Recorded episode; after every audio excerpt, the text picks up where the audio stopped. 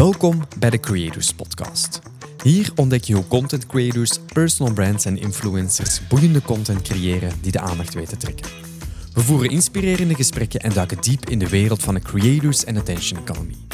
Of je je merk wilt laten groeien, je passie wilt omzetten in een bedrijf of simpelweg de kracht van contentcreatie wilt doorgronden, dan ben je hier aan het juiste adres. In deze aflevering ga ik in gesprek met Mo Zouina.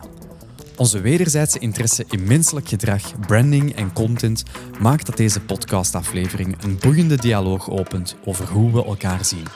We zien niet enkel elkaar, maar we zien ook de merken en organisaties die gezien willen worden. Het gaat niet alleen om het overbrengen van een boodschap, maar om het creëren van een ervaring waarin mensen zichzelf kunnen vinden en genieten. Wat deze podcast nog boeiender maakt, is hoe empathie en het begrijpen van menselijk gedrag centraal staan in effectieve branding en personal influence. Dus zet je schrap voor een boeiende reis door de wereld van branding en de subtiele kunst van beïnvloeden. Veel luisterplezier. Mo, Hey. welkom bij de Creators Podcast. Heel fijn om hier te zijn, Cedric. Heel fijn om u hier te hebben. Mhm. Het is, eh,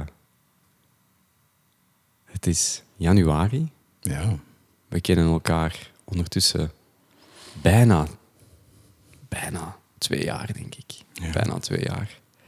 En de reden waarom dat ik u per se in de podcast wilde hebben, is omdat jij toch wel een beetje een koning bent van de beïnvloeding. amai. Ik vind dat wel. Wauw. Goed. Eh, dat dien je even toe te lichten waarschijnlijk. Want ik kan dat niet invullen voor jou natuurlijk. De koning van de beïnvloeding. de manier waarop dat jij communiceert met mensen vind ik altijd heel intrigerend. Hoe dat je vragen stelt, hoe dat je mensen in een richting kunt sturen. En dat is misschien wel te danken aan het verleden. De skill die je bij brands, bij grote brands, hebt bijgebracht om eigenlijk aandacht te kunnen krijgen voor wat dat zij doen. Ja. En daar is beïnvloeding toch wel een heel belangrijk onderdeel van. ja. Nu dat je het zo zegt, lijkt het mij ineens ook duidelijk. Dankjewel, Cedric. We gaan hier afronden. Nee. Ehm, ik ben gewoon danig gefascineerd door mensen. En ik denk dat dat het mooiste is wat je kan doen. Dat is mensen zien. En als je mensen ziet, dan kan je ook organisaties helpen om mensen te zien. En dat is 99% van mijn job met brands, met organisaties, is om mensen te zien. Want als je waarde creëert, dien je waarde te creëren voor jouw doelgroep.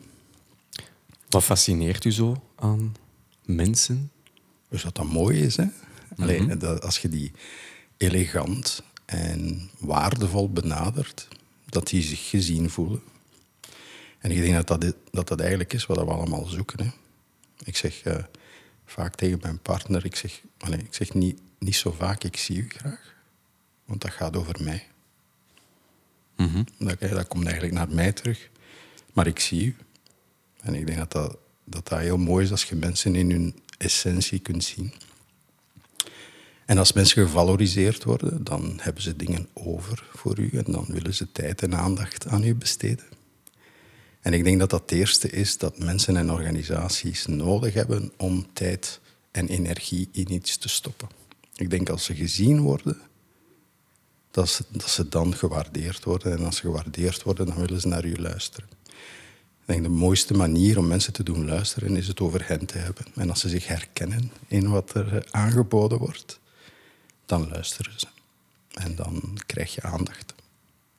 En het zien van die mensen, is dat iets wat je gaandeweg de carrière ontdekt hebt? Of is dat iets wat dat helemaal van begin af aan al, al meespeelde en dat je dat besefte toen dat je voor... Want je hebt wel voor redelijk grote brands gewerkt, en Ja. nog altijd.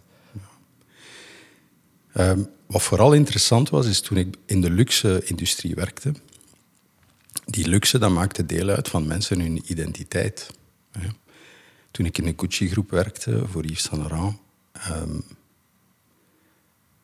probeerde ik door te hebben waarom die mensen zoveel geld uitgaven aan, aan een product dat ze eigenlijk veel goedkoper ergens anders konden krijgen. En dat stuk dat niet rationeel uit te leggen was, dat was brand. En dat was wat die brand deed met hen. En de reden waarom ik bij Yves Saint Laurent werkte, was ook niet toevallig. Omdat toen ik bij Yves Saint Laurent werkte, was Yves Saint Laurent het enige werk of het enige merk waarin dat je echt gewoon je ding kon doen en dat je geapprecieerd werd voor het feit dat je persoonlijkheid had. Je hoefde niet de Yves Saint Laurent persoonlijkheid te hebben, maar ik denk dat Yves Saint Laurent het meest vrije der luxe merken was. Die niet in een karkan of in een bepaald model paste.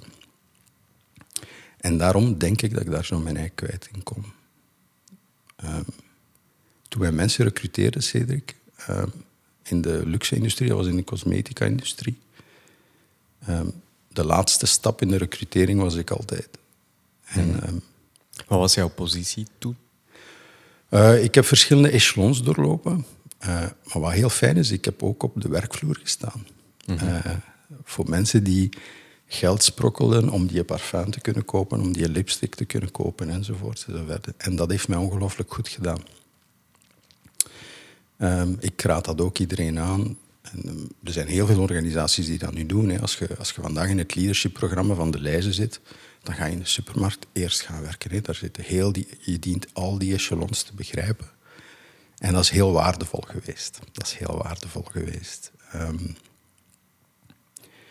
en dus in dat laatste aspect van die recrutering zeg ik meestal tegen mensen van als je een persoonlijkheid hebt en je wilt dit ten dienste stellen van je job, dan zijt hier welkom.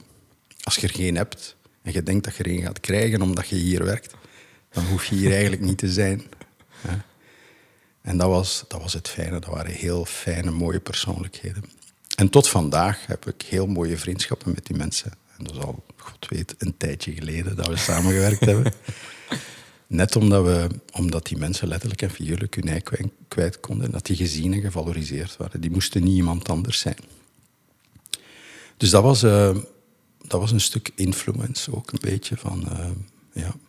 En zijn de methodieke strategieën die die luxe brands gebruiken nog steeds hetzelfde vandaag?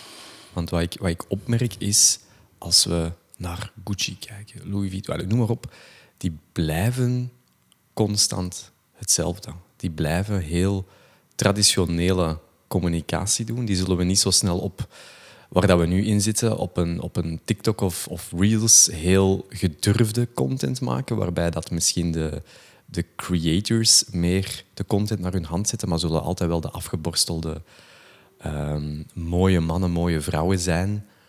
Hier en daar steken ze er al eens een maatje meer tussen. Maar het blijft wel binnen dat kader wat dat door de jaren, tientallen jaren heen steeds herkenbaar is en nog altijd. Hmm. Ik denk dat je gelijk hebt. Ik denk dat er hier en daar wel merken het anders doen. Dat interessante collabs doen met mensen die influence hebben. Maar ik denk dat um, waar de luxe-industrie op intapt, biologisch is. Echt verankerd is in ons DNA. Um, en het heeft met succes te maken. En er zijn biologische trekken aan succes. Vertel. Um, wow.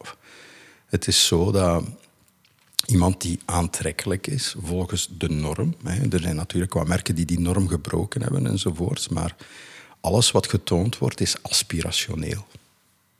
En dat aspirationele, denk ik, kan je linken aan een soort van biologische instelling. En dat heeft te maken met vruchtbaarheid, en dat heeft te maken met reproductie. Dus dat is zo sterk en we denken dat we dat rationeel kunnen overroelen.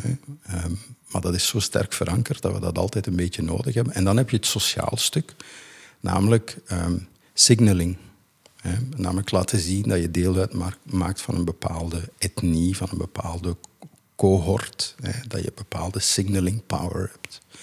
Er is nu wel een uh, tendens, dat noemen ze silent luxury, waarin we terugkomen van die grote logo's. En dat die grote logo's nu een beetje uitgewerkt zijn en eigenlijk gebruikt worden door een doelgroep die niet de doelgroep is van die luxe industrie, maar je ziet heel veel fake logo's enzovoort enzovoort, maar die daar wel, die wel de aspiratie hebben om daartoe te horen. En als tegenkracht krijg je de mensen die dan in die luxury groep zitten, ja, die, die keren zich af van, van die logo's. En het is meer voor de insiders. Hè. Ja. In de tijd, de eerste die dat eigenlijk deed, was Martin Margiela. Ehm, en die had gewoon drie kleine stikseltjes op zijn... eh, dus die zei, ja, het gaat eigenlijk niet over het logo, het gaat over het individu en het stuk dat met heel veel mastery en zo gemaakt is. Dus die heeft al heel lang geleden, in, in een tijd... Heel lang geleden zijn website was precies zo'n Windows-interface. Omdat alles wat zo accessoire was rond die luxe, wat die weg, en die wou echt naar de essentie van zijn mode gaan. En we zien dan nu die silent luxury, dat, dat mensen die denken dat ze deel uitmaken van die luxe groep, niet meer geassocieerd willen worden met die grote logos, omdat die momenteel gebruikt wordt, zogezegd door mensen, hè, Ja. die niet tot die doelgroep behoren. Boeiend. Ja. Eh, ja, ze hebben het ook wat uitgangen met hun logo's in de tijd, dus wat dat betreft. Ja, dat doet mij meteen denken aan de film Gucci, Mhm. waarbij dat heel, die, ja, heel het, heel het, eh, het imperium wordt, wordt blootgelegd.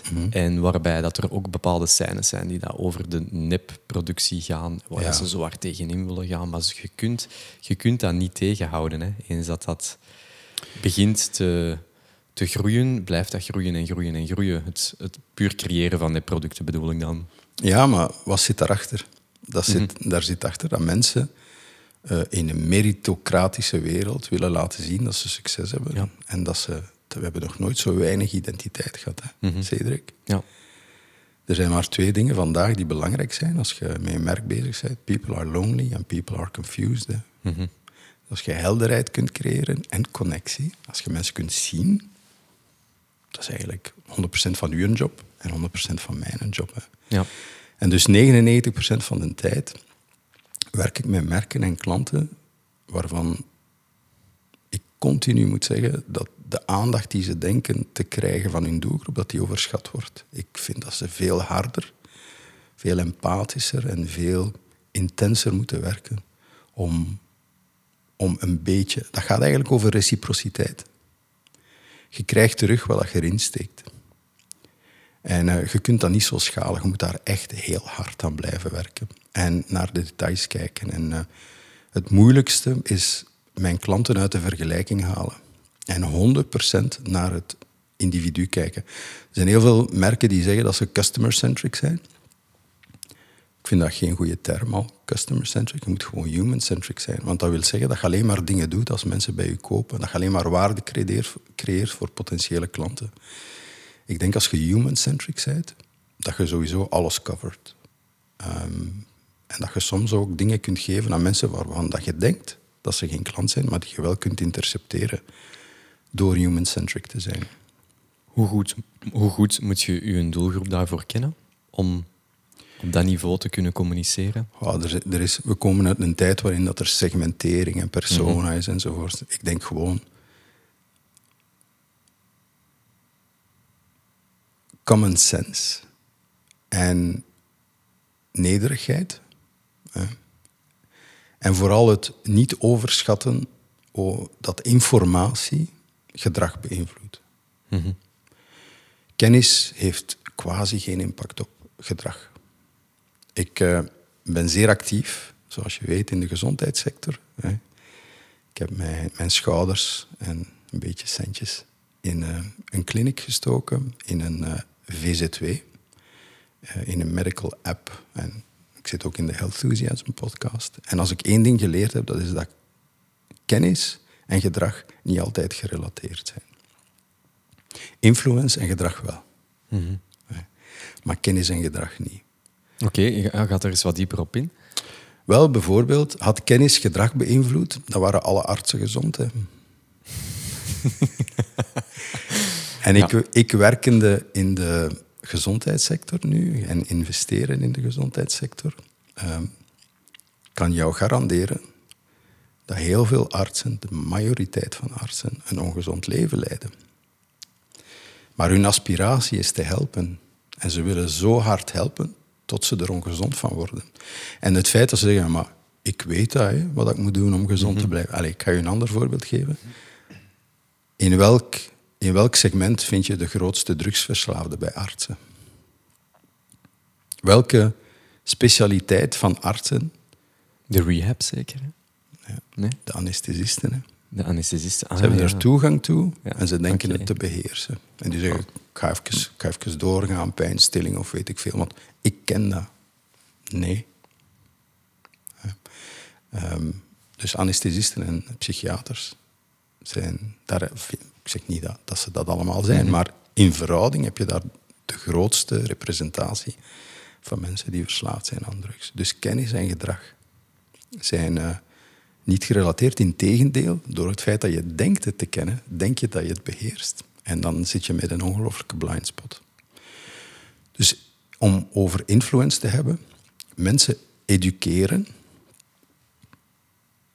ik denk niet dat dat veel impact heeft. Mhm. Integendeel. Wat moet het dan wel zijn? Ik denk dat je, en dan shout-out to mijn maat Christophe Choquet, hè, die nu, eh, die heeft het over aspirations.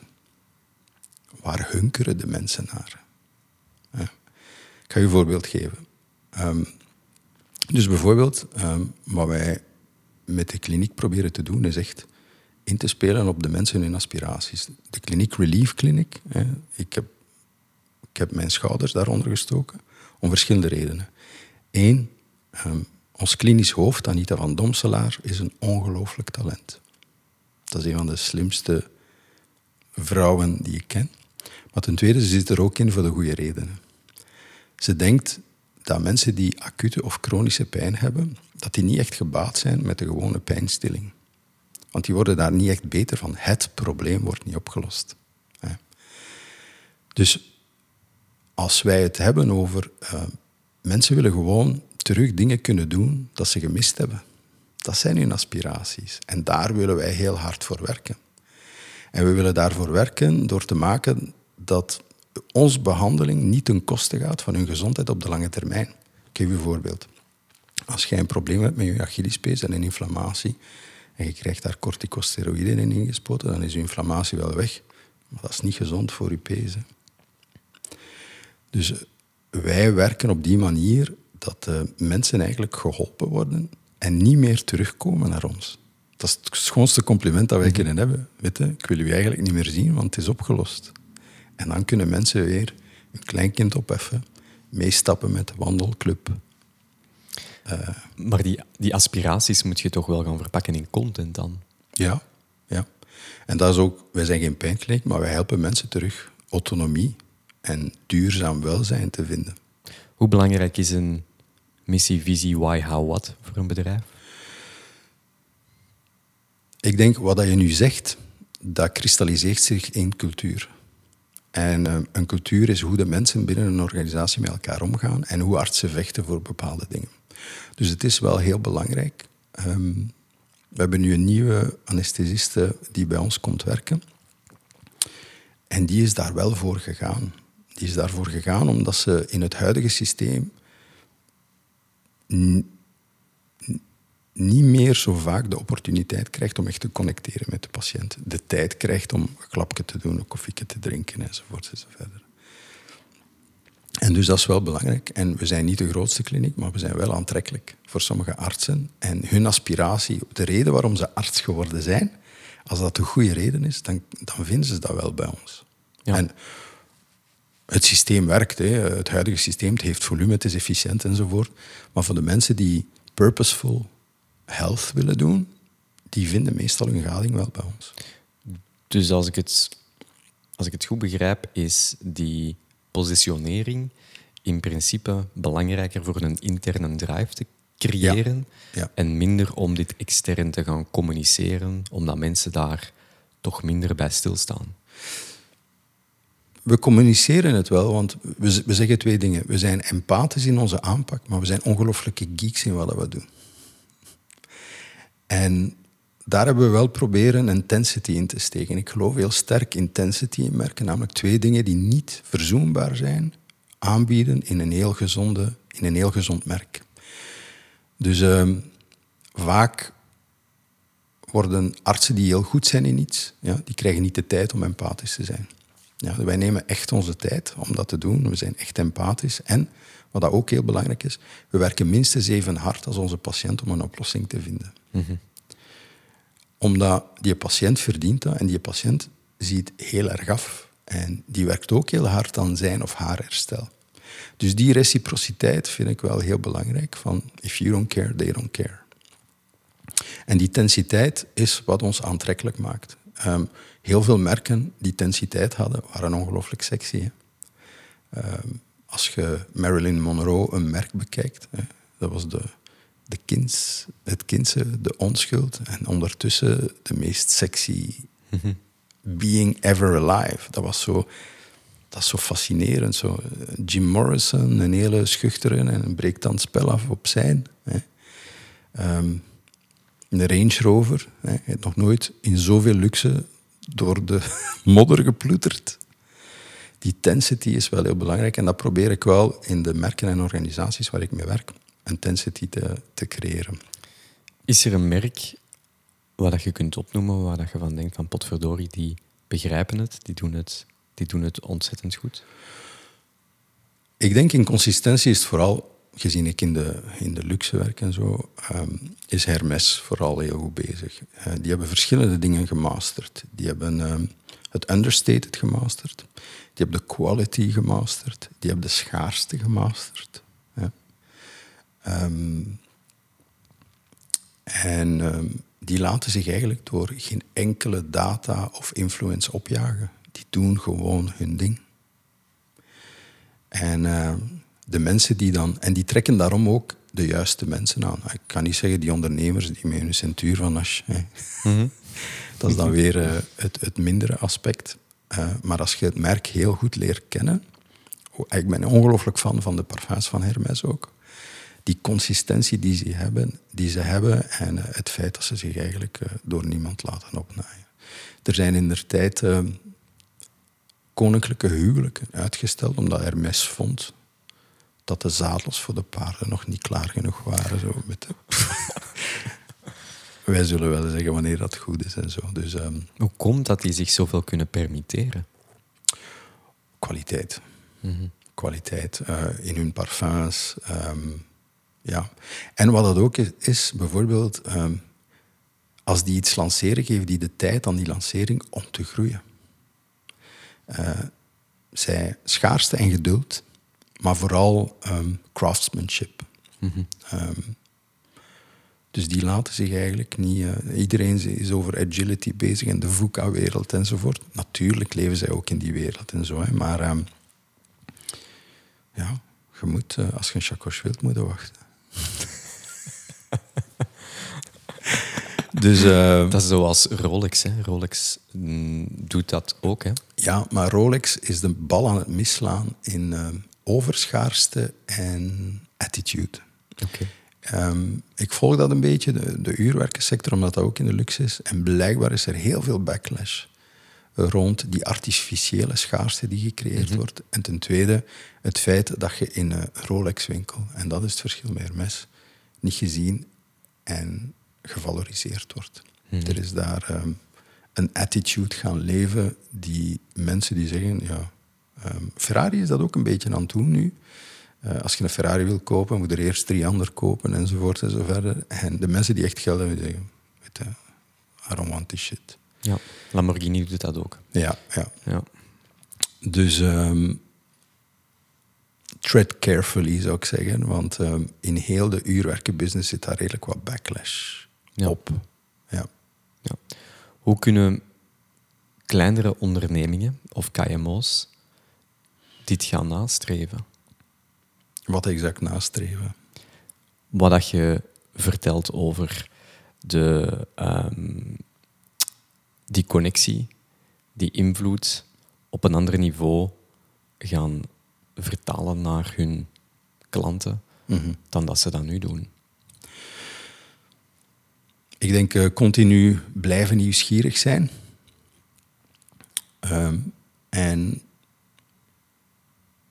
het doen om de goede redenen. Ehm, ik werk met heel veel farmabedrijven. Ehm, dus, en je, jezelf de tijd gunnen om het goed te doen. Ik denk dat dat vooral belangrijk is. Ehm, er is heel veel ongeduld. Hè? En als, als, als je vandaag de social media ziet, dan zie je heel veel overnight millionaires die je uitleggen hoe dat ze het gedaan hebben enzovoort. Ik ben daar ook wel een fan van. Scott Galloway zegt, hij zegt, the biggest crack I ever heard is follow your passion. Maar Ja. I reversed engineer it. Word ongelooflijk goed in wat je doet. En dan gaat je er heel veel plezier van. En dan ga je daar passioneel over worden, over wat je doet. Omdat je dan, zoals dat jij bijvoorbeeld mij verteld hebt, ja, doordat ik die podcast doe en dat je daar ook ongelooflijk goed in bent, Cedric, ja, Dank u. kom je in contact met mensen die ook dingen heel goed willen doen. Mhm. En die dat ook voor de goede redenen doen. En dan creëert je een ecosysteem en die mensen geven jou dan opportuniteiten. Hè. En dat is een systeem dat zichzelf ondersteunt. Dus het eerste, wat je, het eerste dat wij proberen te doen, en dat ik probeer te doen naar mijn klanten toe, maar ook met de clinic bijvoorbeeld, of met Livelinks of met Binom, is ongelooflijk goed te zijn in wat we doen en waarde te creëren die heel tastbaar is voor die mensen. Door, eh, door gewoon heel goed begrepen te hebben wat waardevol is voor die mensen. Dus ehm, ik weet niet of ik eigenlijk op uw vraag geantwoord heb. Jawel, jawel, Ja. jawel, jawel, jawel. Ik denk dat mastery wel superbelangrijk is. Ik denk, als ik, als ik naar jou kijk en ik, ik hoor jou, dan, ja, die, die, die heeft wel heel goed begrepen, maar die heeft ook nagedacht over, maar wat, doe ik, wat is eigenlijk wat ik doe? Wat is dat nu content? Wat is dat influence? En wat gebeurt er rond mij en welke rol gaat dat spelen? Dus wat wil ik daarin betekenen? Omdat ik denk dat dat waardevol is. Klopt dat? Een Dat beetje klopt. wat ik zeg. Dat klopt. Ja. Ja. Dus zoals dat jij bezig bent nu, dat is hoe kan ik maken dat mensen, eh, Katrien, hè, eh, die zegt ja, alles wat ik schrijf komt van mij. Ja. Hè. Er zijn wel mensen die mij helpen en zo. En zij is ook al jaren bezig met die craft. Jij bent ook al jaren bezig met die craft. Dus ik denk geduld, maar vooral excellence. Ja, en nieuwsgierigheid. hè, En nieuwsgierigheid, nieuwsgierigheid Ja. en, en vooral uw voelsprieten constant in de lucht houden en kijken Helemaal. wat leeft er en waar kan ik iets in betekenen. Ja. Want je wilt natuurlijk relevant zijn, niet nu, maar ook binnen een aantal jaren. En voor grote brands is, is dat natuurlijk een gigantisch focuspunt, maar ook voor persoonlijke ontwikkeling, personal brands, is dat heel, heel belangrijk om te achterhalen van wanneer ben ik relevant en hoe lang ga ik relevant blijven en wanneer moet ik schakelen. Ja, dat is heel boeiend wat je nu zegt. Ehm, want dat strookt een beetje met hoe ik mensen, eh, organisaties help. Mijn klanten vertegenwoordigen een organisatie of een merk. Maar ondertussen is het ook mijn rol om die mensen te laten worden wat die organisatie nodig heeft. Dus ik help die niet alleen met tips en tricks en advies, maar ik help die vaak ook zonder dat ze het weten of zonder dat het ooit- zo in de scope is, ehm, te worden wie dat die organisatie nodig heeft. En dat gaat soms heel ver. Dat gaat binnen de professionele sector, maar dat gaat vaak ook binnen de privésector. Omdat je zijt in je professioneel leven geen andere versie van je privéleven. Dat heeft te maken met authentici- authenticiteit. En als je, als je daarin stretcht, ja, dan, wo- daar word je heel moe van. Hè? Van eh, iets te hoeven zijn in je professioneel leven dat, je, dat niet strookt met je privéwaarde. Mensen worden daar heel moe van. En op een of andere redenen, om- een of andere reden, connecteer ik met eh, mijn klanten op dat niveau, zodat ze als, als we samenwerken ook gewoon hun hele attitude en visie op wie ze hoeven te zijn om daar goed in te zijn, dat we daar ook direct of indirect ook aan werken. Dus het gaat niet alleen over wat is dat marketingplan en hoe zit dat in elkaar enzovoort enzovoort, maar dat gaat echt over een soort van holistische visie op het individu binnen de organisatie, de organisatie zelf, het merk enzovoort. En op een of andere manier groeien we samen naar een waardevolle manier om die challenges die op, op hun afkomen, om die beter te kunnen managen. Ik weet niet of dat... ik- Het was heel wat gewauwel waarschijnlijk, wat ik nu gezegd heb. Maar ik merk dat eh, het niet alleen om hard skills gaat, maar dat het ook om soft skills gaat en, en connectie. Vooral wat mensen voelen van binnen. Ehm, een, een, een, een, vlammetje dat moet, moet aangaan als ze zowel in een professionele omgeving aanwezig zijn.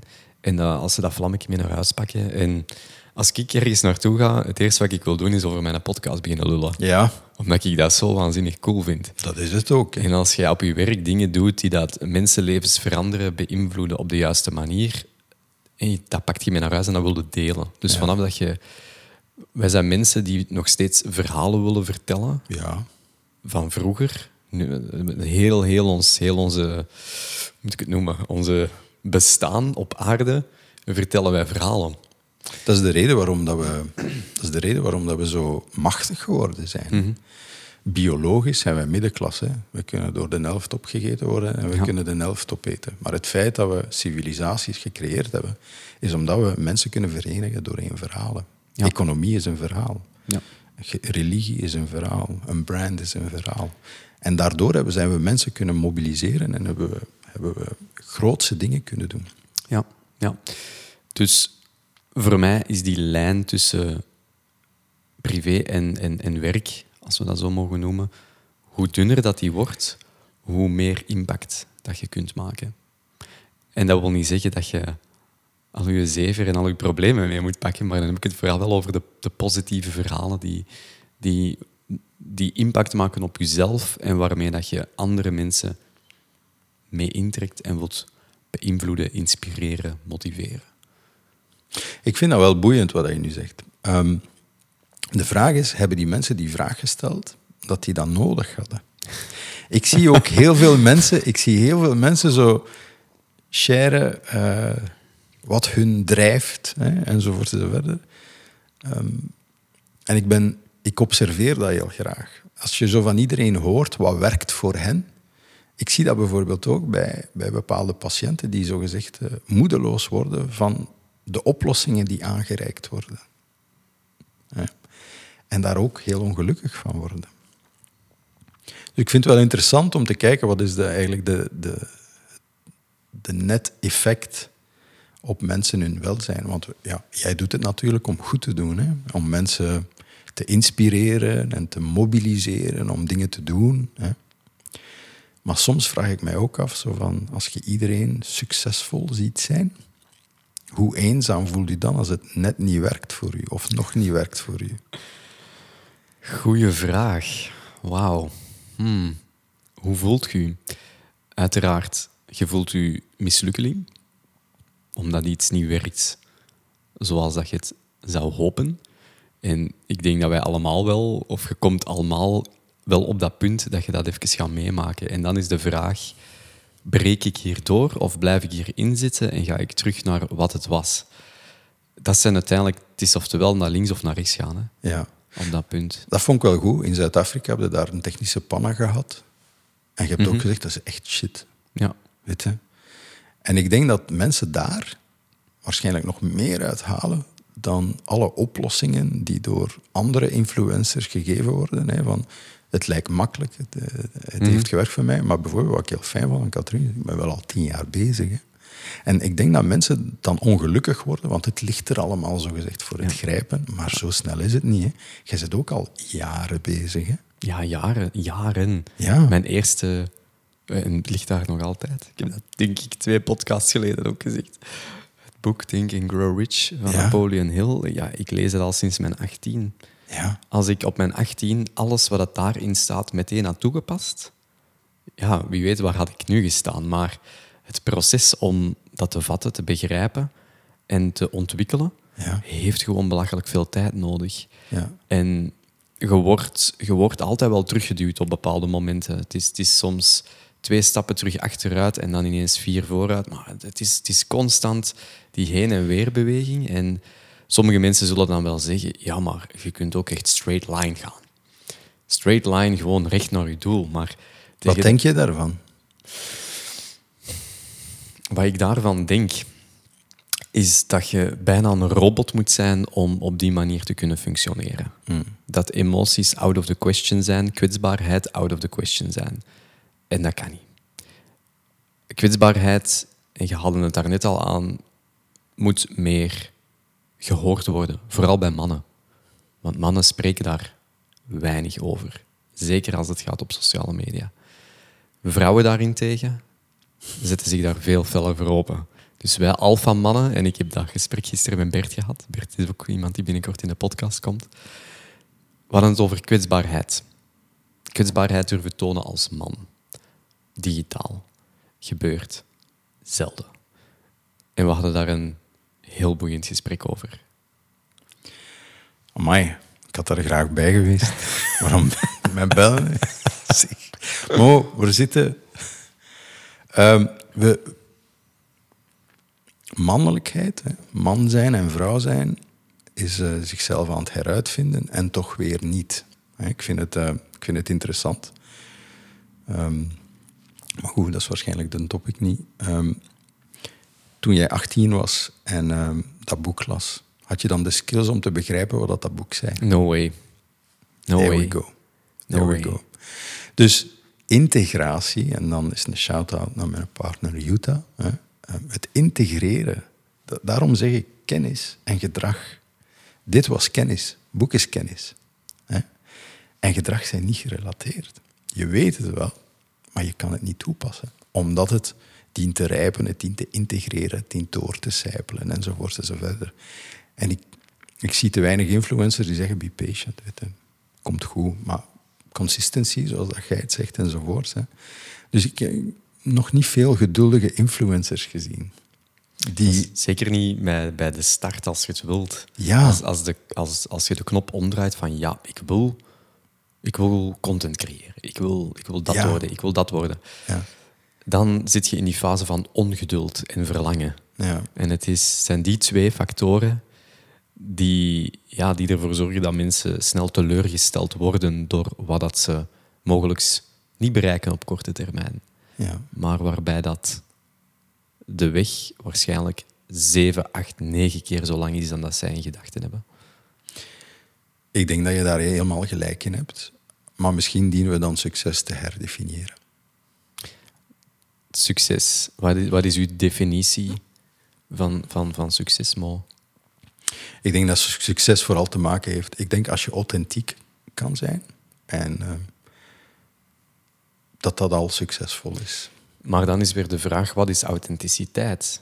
En, en hoe moet je dat naar buiten brengen? Want dat wordt altijd gezegd, je moet, ja, ook in content, als we naar videocontent, eh, noem maar op, wat is authenticiteit? En dan, dan komt het, komen we terug in die personal branding, die, Helemaal, ja. die zaak van wie ben ik en wat zijn mijn values en hoe breng ik dat naar buiten? En, en ik, en ik denk een, een, een combinatie van bepaalde persoonskenmerken die jij, die jij hebt en hoe jij je gedraagt, dat is misschien authenticiteit. Ik denk als je. Ik denk dat er twee soorten mensen zijn. Ik denk dat je mensen hebt die met een intentie leven en mensen die reactief leven. En mensen die met een intentie leven, die staan voor harde keuzes. Maar die doen vaak het moeilijke. Mensen die reactief leven, die doen vaak het viscerale. En ik denk dat er in hardheid en difficulty elegantie zit. Ik denk, ehm, als u iemand niet optimaal bejegent en je gaat daar reactief op in, ja, dat is, niet zo, dat is niet zo elegant. Er is niks moeilijks aan visceraal reageren op iets.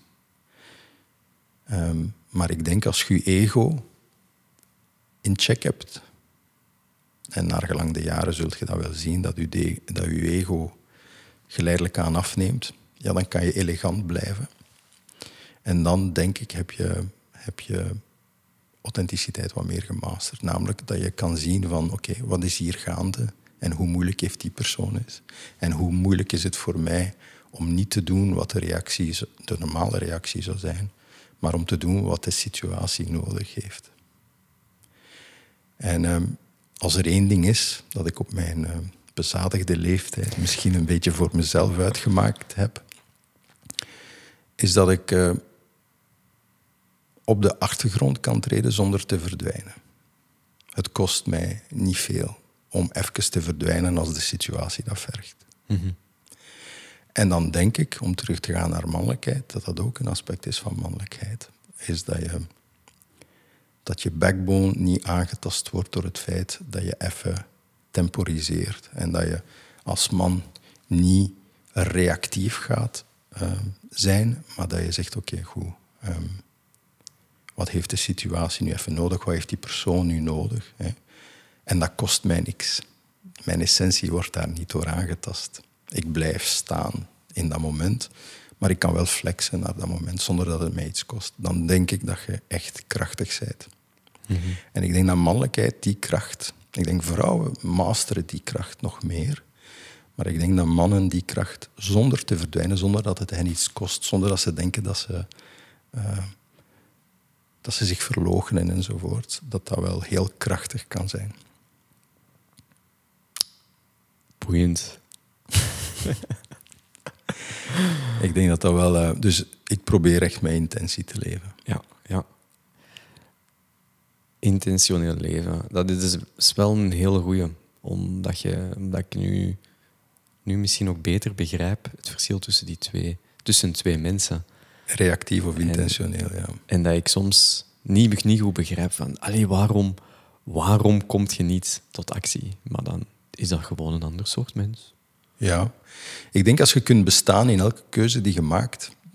Ik, ik heb een tijd gewerkt voor ehm, in een centrum, in een mooi centrum in Spanje, waarin mensen met heel zware levenskwaliteitsproblemen um, terugkwamen om te herbronnen en echt te genezen. En dat waren heel veel aandoeningen rond um, burn-out, fibromyalgie, chronische darmproblemen, IBD, Crohn's enzovoort enzovoort. En de wat die mensen meestal gemeenschappelijk hadden, is dat die niet bestonden in hun keuze. Eén, ze dachten dat ze geen keuze hadden. En twee, de keuzes die ze maakten, daar bestonden ze niet genoeg in. Ik denk, authentiek zijn, als we daarover teruggaan, is dat je bestaat in de keuzes die je maakt. Dat is authentiek zijn, volgens mij. Ja, ja we zijn er. We zijn er. ja, ik denk, als je echt kunt bestaan in de keuzes die je maakt, ja. Uh, dan, dan leeft je een intentioneel leven.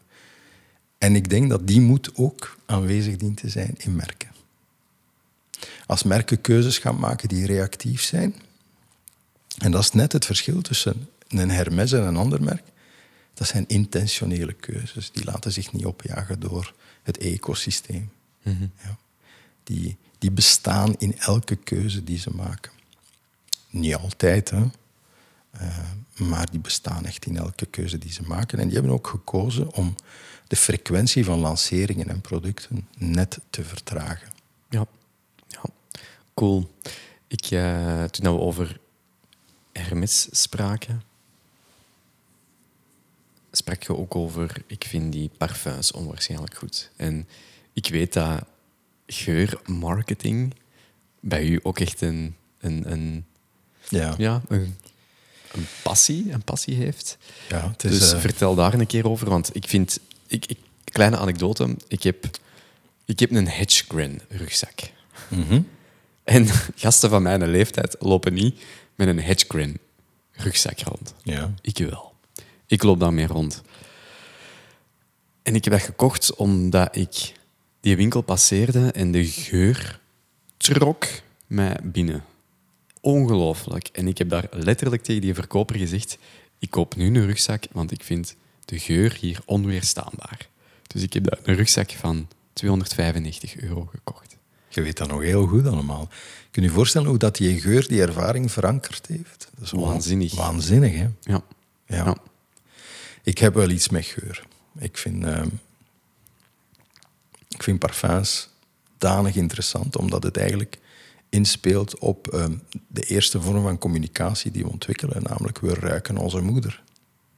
Uh, als we nog niet echt goed kunnen zien, dan, dan, dan ruiken we onze weg naar de borst. En als we contact maken met de moeder, dan, dan ruiken we letterlijk en figuurlijk onze, onze moeder. En daarom is het ook zo'n krachtig zintuig. En ik heb in, de, in die twaalf jaar dat ik in de luxe cosmetica-industrie gewerkt heb, gezien wat geuren voor mensen betekenen. Uh, er is een man die daar uh, ook mooi werk in levert. Dat is uh, Christophe Lefebvre van Michelot. dat is eigenlijk het eerste, het, het, enige echte Belgische parfumeursmerk dat we hebben. En die werkt rond de aromacologie. Ehm, en die bestudeert welke impact geuren hebben op onze state of mind. En de, hij wil ehm, alleen maar geuren maken die ons doen glimlachen. Ja. Het verhaal is heel fijn. Kan ik het even delen hier? Natuurlijk. Ja, hij was apotheker, uh, niet ver van een uh, psychiatrisch centrum. En uh, ja, zijn specialiteit was medicijnen uitdelen. Hè. En hij had op zijn toonbank had hij zo wat geuren. En die zegt, ja, maar ik verkoop hier tonnen medicijnen die er niet in slagen mensen met mentale problemen te doen glimlachen. En die geuren hier, die slagen daar wel in. Wat is dat nu? En die heeft zijn apotheek verkocht. Die is, uh, denk ik, naar het ISIPCA gegaan, Allee, naar een Franse school. Die is parfumeur geworden en die is nu ja, zijn, zijn drip by drip, cent by cent, uh, glimlachen aan het toveren op de mensen hun gelaat. Mm. Waarom investeren? Sommige merken dat wel in en anderen niet. Want zoals een Hedgegren, dat dus zijn leuke, leuke tasjes. Um, Volvo doet dat ook in hun toonzaal. Heel veel, heel veel automerken doen dat in hun toonzalen. Maar ik vind soms mogen kleine ondernemingen dat ook echt wel eens gaan toepassen in hun, uh, in hun boutique. Want dat kan zo'n impact hebben. Helemaal. Dat is ook wat Christophe doet, hè, bijvoorbeeld. Er is een hotel in uh, een hotelrestaurant in Gent. Dus maar één, één hotelrestaurant. Die hebben met Christophe gewerkt. Uh, dus Jalo, die hebben een collab gedaan. En Christophe heeft een geur voor hen gemaakt. Uh, dus dat begint meer en meer. Dat, dat is ook redelijk bereikbaar geworden. Ja. Uh, en ik, uh, ik kan het, omdat het verankert nog Total bijvoorbeeld in Frankrijk, de geur van het wisserke voor uw ruiten, mhm. de ruitensproeistof, maar ook de zeep in de toiletten, die hebben allemaal dezelfde geursignatuur. Ja. En dat verankert ongelooflijk sterk. Dus geur is een onderschat marketingtool die rechtstreeks gaat naar uh, de dingen die impact en recall hebben. Ja. Uh, ja, het is een amplifier voor heel veel merken. Ja. Welke zintuigen zijn nog belangrijk om geprikkeld te worden in branding? Ik denk als je, als je alle zintuigen kan, kan, kan gebruiken. Uh, ik heb voor een. Um, ik heb een consultancy gedaan van drie jaar voor een heel fijn team, een research team, as Biomedic, die um, het het eerste levende probiotisch anti-acne-product ontwikkeld hebben. En we hebben drie jaar eigenlijk gewerkt rond alles van de unboxing, van het uh, prepareren. Omdat we hadden een grote challenge en de grote challenge was tijd. Het werkte, maar het had tijd nodig. Maar als je de tijd gaf, was het, was het veel beter dan al de rest dat je kon gebruiken. Dus we hebben letterlijk de zintuigen ingezet om tijd te winnen. Uh, uh, we waren aan het denken, als je het mengt bijvoorbeeld, was een poeder en een, een, vloeistof, als je het mengt bijvoorbeeld, kunnen we daar een visuele cue aan geven, omdat je dan zegt, ah, er is iets gebeurd. Hè.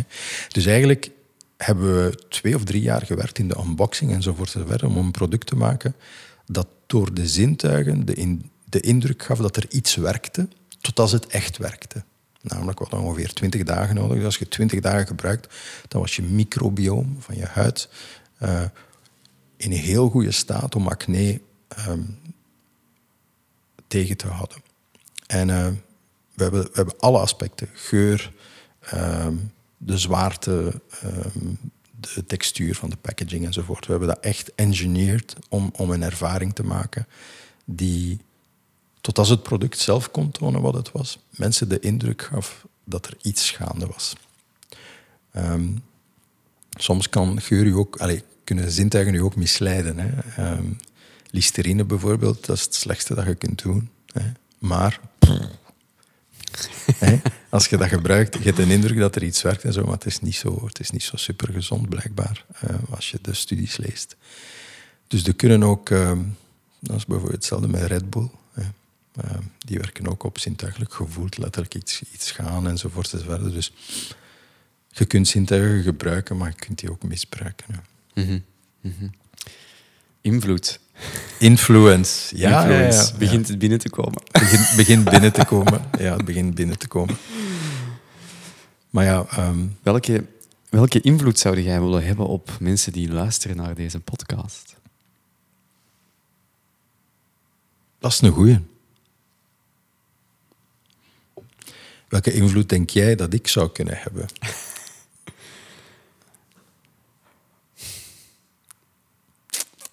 Goeie vraag. Ik, vooral mm, de manier waarop dat mensen naar. ehm, nee, deze ga ik moeten knippen. Ja. nee, we laten die erin. Ik weet dat niet. En ik denk, ik denk dat ik de mensen ehm, net eer aan doe door te zeggen dat ik het niet weet. Ze moeten daarmee doen wat ze willen. Het is, ik ben hier niet gekomen met de... In, ik ben wel gekomen met de intentie om een heel fijn moment met jou eh, door te brengen. En de, de enige invloed die ik denk dat ik zou hebben, is dat de mensen meegenieten van het feit dat we ons hier amuseren. Dat is een heel goed antwoord. Ja, Ja.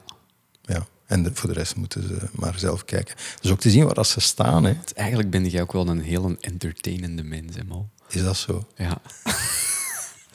Allee, je hebt hier net al piano gespeeld. Hier heeft nog niemand, geen enkele gast, gevraagd aan mij van speel eens een stukje piano en jij gaat er gewoon zelf achter zitten en jij begint te spelen. Dat is, want de piano is meestal een vrij ehm, prominent, prom- prominent ding Ja. en trekt de aandacht, beïnvloedt mensen. Je moest mij hier tegenhouden, want anders was ik beginnen zingen ook. hè. Dus, dus dat is... ehm, Want dat wil zeggen dat ik hier op mijn gemak ben. Hè. ja, dat, ja, ja, ja, ja, dat is goed, hè. Ja. Dat is goed. Mensen op hun gemak stellen, ook nog een, ook nog een interessant topic. Mensen het gevoel geven dat ze veilig en geborgen zijn bij uw merk. Of u als persoon. Dat is, ehm, dat is een goeie. Ik denk als een merk daarin slaagt, allee, nog eens, met de kliniek is dat wel zo. Ja. Eh, de wijze waarop we interageren, de, de wijze waarop dat we... Ja. Ja. We zijn, eh, we zijn redelijk alleen en eenzaam. Hè? Eh, we zien dat toch wel. Hè? We zijn nog nooit zo geconnecteerd geweest en nog, nog nooit zo alleen geweest. We hebben nog nooit zo weinig seks gehad. Cedric? Oei, We, de mensheid. Hè. Nee, maar is dat zo? Ja. Ja. als je naar de, naar de geboortecijfers gaat kijken, die gaan zien er ogen achteruit, toch? Hè? Maar we maken sinds kort meer eh, incontinentieluiers dan babyluiers. hè. Ja. ja. Mijn, mijn prof marketing, en dan spreek ik over vele jaren terug, die zei, mannen moeten terug losse boxers gaan dragen. Of losse, losse shorts gaan dragen. Het zit allemaal veel te spannend en het, het zorgt voor een, eh, een, een downgrade in de kwaliteit van het zaad. Niet alleen dat, maar ik denk dat we ook, dat we ook te weinig waardevolle interactie hebben. Ik, ik meen dat echt. We hebben, Maar dat komt natuurlijk door, door, allez, door pornografie. ja, het is En convenient. het, het is heel gemakkelijk voor nog altijd meer mannen dan vrouwen. Maar ehm, ja, je, je, je begrijpt minder wat dan een, een betekenisvolle seksuele relatie slash contact is. Ja, maar het, het, is, wel, het is wel een issue. Hè. Eh, er is convenience, maar er is ook, en daar zijn we weer terug bij man en vrouw. eh, vrouwen, mannen daten. Allee, 7%, 7% van de bevolking is gay, dus ik ga even over de 93 andere. Zeven. Ja, ongeveer. Dat is, een, dat, is een, dat is beter dan wat ik de laatste keer heb gehoord, dus top. Ongeveer in Europa kan het variëren eh, tussen 6 en 7 procent. Dus we gaan het even over de 94 procent de andere hebben. Als we het dan over... eh, mannen daten meestal op hun niveau of lager. Ja. Ehm, naar achievement toe. Vrouwen zijn mannen ongelooflijk aan het inhalen in diploma's en educatie.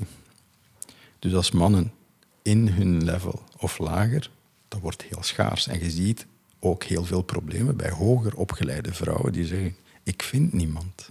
Ja. Ja. Ten tweede heb je de mannen die er fysiek goed uitzien en succesvol zijn. Ja, die 20% of die 20 of 30%, die heeft keuze op 100% van die vrouwen. Ja. Dus die willen zich niet binden. Die willen zich niet binden, want die hebben de keuze om iedere week iemand anders te hebben. Ja. En dus die 80% die daar niet in valt, die is heel eenzaam. Die is heel eenzaam. En, en, en ziet het, dat hoger segment van vrouwen is heel eenzaam en dat lager segment van mannen is heel eenzaam. En, eh, Praat jij hier graag over?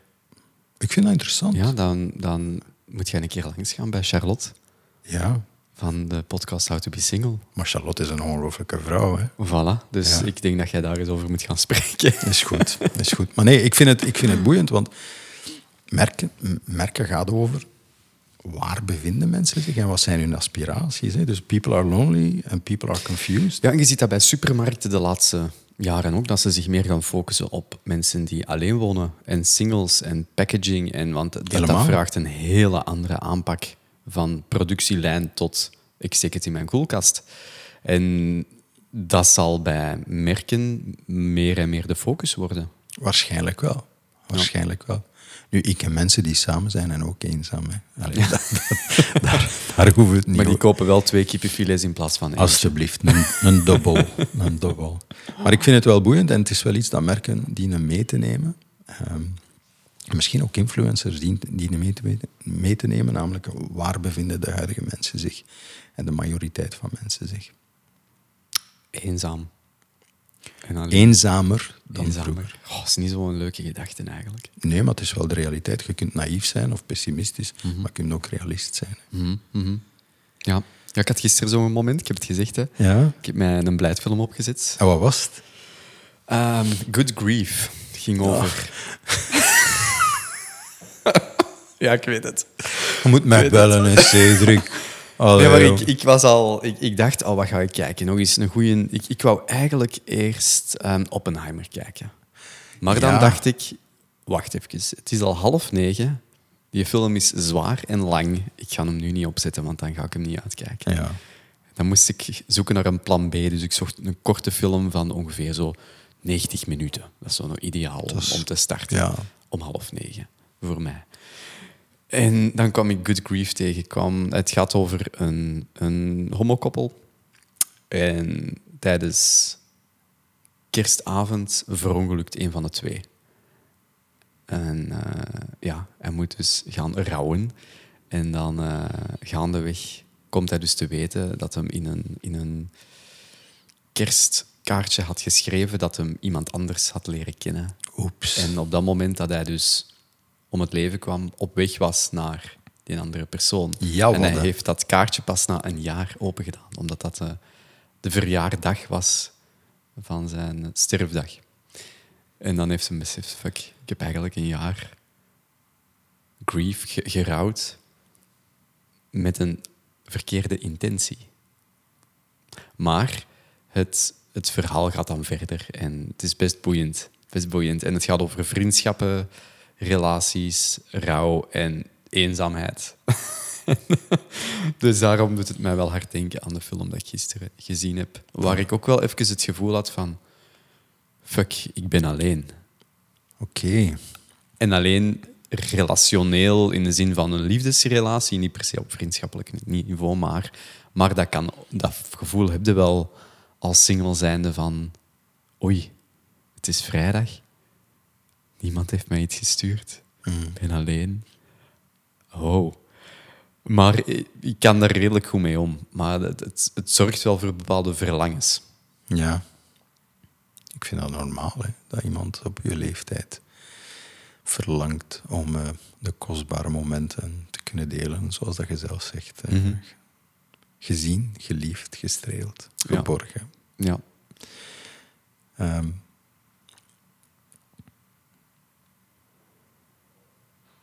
ik denk, ehm, it's a matter of time. Ik denk wel, ja, als ik je zo'n beetje ken, dat je wel iets heel, eh, iets heel interessants en waardevols te bieden hebt. Dat is al goed nieuws.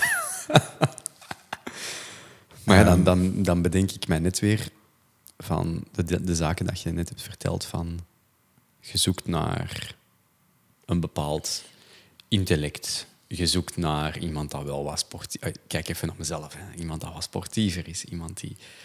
Dus, dus de, de markt waar dat je naar kijkt. De markt. handjeklap. ik vind dat altijd boeiend. Ik vind het altijd boeiend dat iedereen een lijst heeft van wat dat ze zoeken en niet wat dat ze aan te bieden hebben.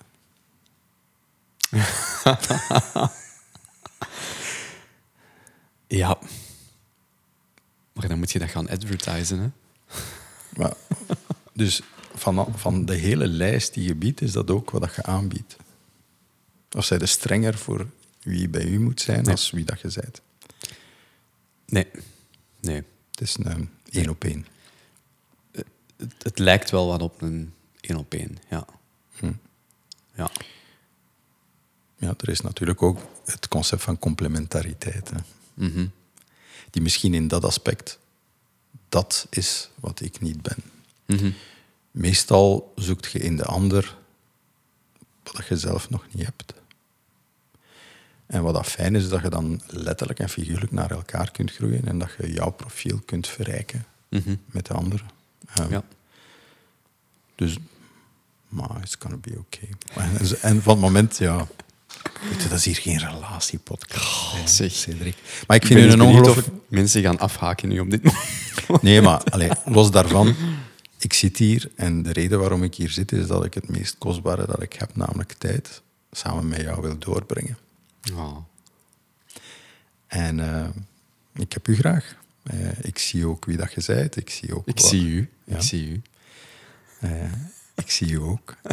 Ik zie ook waar je naar op zoek bent en uw traject. En eh, ik, heb daar, eh, ik berust daarin dat dat heel goed gaat zijn. Maar ik zie ook waar dat je mee struggelt. En eh, ik zie wie dat je aan het worden bent en I like what I see. Nice. Nice. Goed. Leuk. Leuk om te horen, Mo. Dat is dat beetje influence. hè. Helemaal beïnvloed, zeg. Helemaal beïnvloed. Zeg, hoe heb jij influence zien evolueren sinds je gestart bent?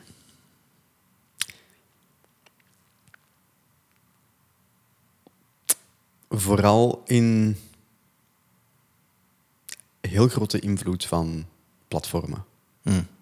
Platformen die invloed uitoefenen op mensen en die soms bepalen hoe zij de invloed willen hebben. En dat het niet meer door de mens gestuurd is, maar door machine. En ik denk de kunst Is die machine te cateren? is exact die machine, bij wijze van spreken, aan banden te leggen Ah ja, en het terug human to human te maken. amai. Dus tegen de machine te werken en toch succes te hebben. Mhm. Dat vind ik een straffe. Ja, eh, tegen de machine, dat is misschien... Ik druk mij misschien verkeerd uit, maar... ehm, eh, wat ik de laatste tijd merk, is dat de mensen die mijn content willen zien, het niet meer te zien krijgen ehm, door de machine. Ja, En dat jammer vinden. Dus je moet die mensen gaan activeren om zelf op zoek te gaan naar de content. amai. En natuurlijk is de machine er om nieuwe mensen te bereiken. Heel fijn. Maar je moet die kunnen overtuigen om op een gegeven moment ook zelf op zoek te gaan naar, in geval mij. Nou, de dingen die ze belangrijk de vinden. dingen die ze belangrijk vinden, ja. Wauw. Dat is een goeie. Dus dat, maar dat vooral de la- het laatste jaar. En door met, meer met influencers samen te werken, ehm, waar dat zij het moeilijk mee hebben, is de emotionele connectie leggen met mensen. Door een medium dat zij niet altijd in handen hebben. Dat is dat is iets wat heel uitdagend is. En wat dat vroeger, denk ik, gemakkelijker was of zo. Omdat je de deur die dat er was, richting, richting een audience, die stond wagenwijd open. Hm. En nu is dat nog een kier. En die kier, die, of die deur, die gaat af en toe wel eens dicht en dat van, houdt van alles tegen. Dus de opening vinden, die opening vergroten en dan je audience ook nog kunnen vasthouden en meenemen. Als je dat mastert, dan denk ik dat je een hele mooie toekomst hebt. Ah, Wel, dat is, dat, dat is volgens mij waarom ik vind dat je heel goed bent in wat je doet, is dat je niet alleen denkt aan content, maar het systeem. Het systeem waarin content momenteel werkt of niet werkt enzovoort. En dat vind ik heel waardevol voor iedereen die met u werkt, omdat je bent niet alleen een content creator, maar je bent een content verstaander. Mhm. Mhm. Je bent een content verstaander. En je, je ziet wat dat content in dat ecosysteem doet, maar je integreert ook je audience. Dus ik vind eh, nog eens chapeau voor wat dat je doet. En eh, ik vind dat iedereen die met u werkt groot gelijk heeft. Miljarden. Nu wij nog, hè. Nu wij nog samenwerken, hè, Cedric. 2024 is net gestart, dus We laten we, laten we daar een, eh, een ding van maken. We gaan dat doen. 2024. We gaan dat doen. We gaan dat doen. Goed, Mo. Ja, wij kunnen nog, nog, nog wel een tijdje Ja. doorgaan. Maar ehm, we zijn een, een uurtje bezig, dus we gaan stilaan afronden. Kon nog wel vragen wat dat er belangrijk is voor u in 2024. Eh, contentment is belangrijk voor mij in 2024. Ehm, ik zie ehm, heel veel gesprekken rond happiness. Ik vind happiness overrated. Ehm, happiness, de zoektocht naar happiness maakt mensen ongelukkig. En ik denk als ik gezond en content kan zijn, en content heeft te maken met echt dankbaar voor wat er is, voor de relaties, voor de mensen waarmee ik mee kan samenwerken, voor de opportuniteiten die ik krijg. Eh, dat voor mij kan, eh, kan dan een copy-paste zijn van vorig jaar. Wat wel zo is, is dat ik ook begrepen heb dat we op een kantelpunt zijn met de organisaties waar ik mee werk. Of dat dat nu B-norm is, we gaan naar expansie toe. Of dat dat nu Lifelinks is, of dat dat nu de Relief Clinics is. En die expansie de nodige tijd en aandacht geven. Ik denk, eh gaat het over consistency. Eh, bij mij gaat het een beetje over focus gaan en, eh, en consistency. Dus ik denk dat 2024 echt zo beter en minder gaat zijn. Dingen beter doen en minder gespreid over alle activiteiten. Denk dat dat vooral gaat zijn en dan voor de rest gewoon mijn ding kunnen doen en eh, goed connecteren met de mensen, met de teamleden waarmee ik mee werk. Want het zijn ongelooflijke prachtige mensen. En dat is eigenlijk het meest zinvolle. Ehm, ik kan daar vaak op terugdenken en zeggen, my god, ik heb chance om met die mensen te werken. Die zijn één, Mhm. één op één allemaal goed in wat dat ze doen. Ze doen dat voor de goede redenen enzovoort. En daar berust ik dat in, als we dat lang genoeg kunnen doen, dat dat, oké, dat, dat allemaal oké gaat zijn. Ja. Mooi, Ja. mooi, mooi. Geluk. Eh, content, content zijn, niet, niet geluk. Ja. Nee, wat je net zei van geluk wordt te fel naar gezocht. Ja. Waar moeten mensen dan wel naar zoeken? Ik denk als mensen, als mensen vertragen, hè, de- er is veel ongeduld in, in het zoeken naar geluk. Ik denk als mensen vertragen dat je, dat je, heel, geluk, dat je heel veel voldoening kunt halen uit superkleine dingen. Ehm, maar dan, dan dien je op een andere manier te kijken naar wat er is. Heel veel mensen zijn naar morgen aan het kijken. En met alle, alle tijd die ze naar morgen kijken, skippen ze alle vandaag. Ja, dat is, maar, maar dat is wel exact waar dat ons brein in getraind is, is om naar het verleden te kijken en naar de toekomst. En Ja, als je, het verleden, als je naar het verleden kijkt, is, is het angst. En als je Ja. naar de toekomst, nee, als je naar het verleden kijkt, zijn, is het gemis en in de toekomst is het angst. ja. En ik denk eh, gewoon hier, hier even blijven. Meer hier zijn. Is, eh, is heel goed, want ja, morgen... eh, ik heb eh, Arabische roots. eh, en eh, als ik aan mijn mama zeg tegen volgende week, dan zegt hij, ken Aishna. Ik weet dan niet of ik hier ben volgende week. je kunt je dat zeggen, maar ik weet dat niet. Dus die heeft mij wel geleerd om hier, wat te blijven. ja. Ja. Oké. Goed, dat hebben we het afgelopen uur wel gedaan. Hier gebleven. Hè, Hier ja. gebleven. Hier is altijd goed, jong. Hier, als je hier blijft, is het altijd goed. Goed, Mo. Eh, ik wil u heel hard bedanken om uw kostbare tijd met mij te delen. Ik heb daar heel veel plezier aan beleefd. Ja, leuk hè? Ja. Leuk. Je doet dat goed. Dank u. Echt wel. Dank u. Dank u, Mo. Ja. Ja, ja, ik heb mijn ding gevonden. Dat, voelde, dat voelde ook. En ik denk eh, dat uw audience dat ook voelt. En, eh, stapje bij stapje wordt die groter en groter. En dat is heel Ja, fijn. ja. Dat is heel fijn. Ze hebben allemaal gelijk, die audience. Ze hebben allemaal gelijk om voor jou te kiezen. Ja, pas op. Het is, eh, het is soms strikken en sleuren, maar dat, eh, dat hoort erbij. hè. Dat is... eh, Dat komt dan maar goed. Als je, dit, als je dit blijft doen, komt dat allemaal goed. Het, het is al goed eigenlijk. Hè. ja, het is, het is al goed. Jawel. Ja, voilà. Jawel, het is- hier al blijven goed. even, het is Het al is, goed. het, is, ik- het wordt gewoon nog beter. Ja, het blijft goed. De, de, de skills, de creator skills worden beter. Goed. En als dat beter wordt, dan maak ik er mij heel weinig zorgen in. Ja. Oké.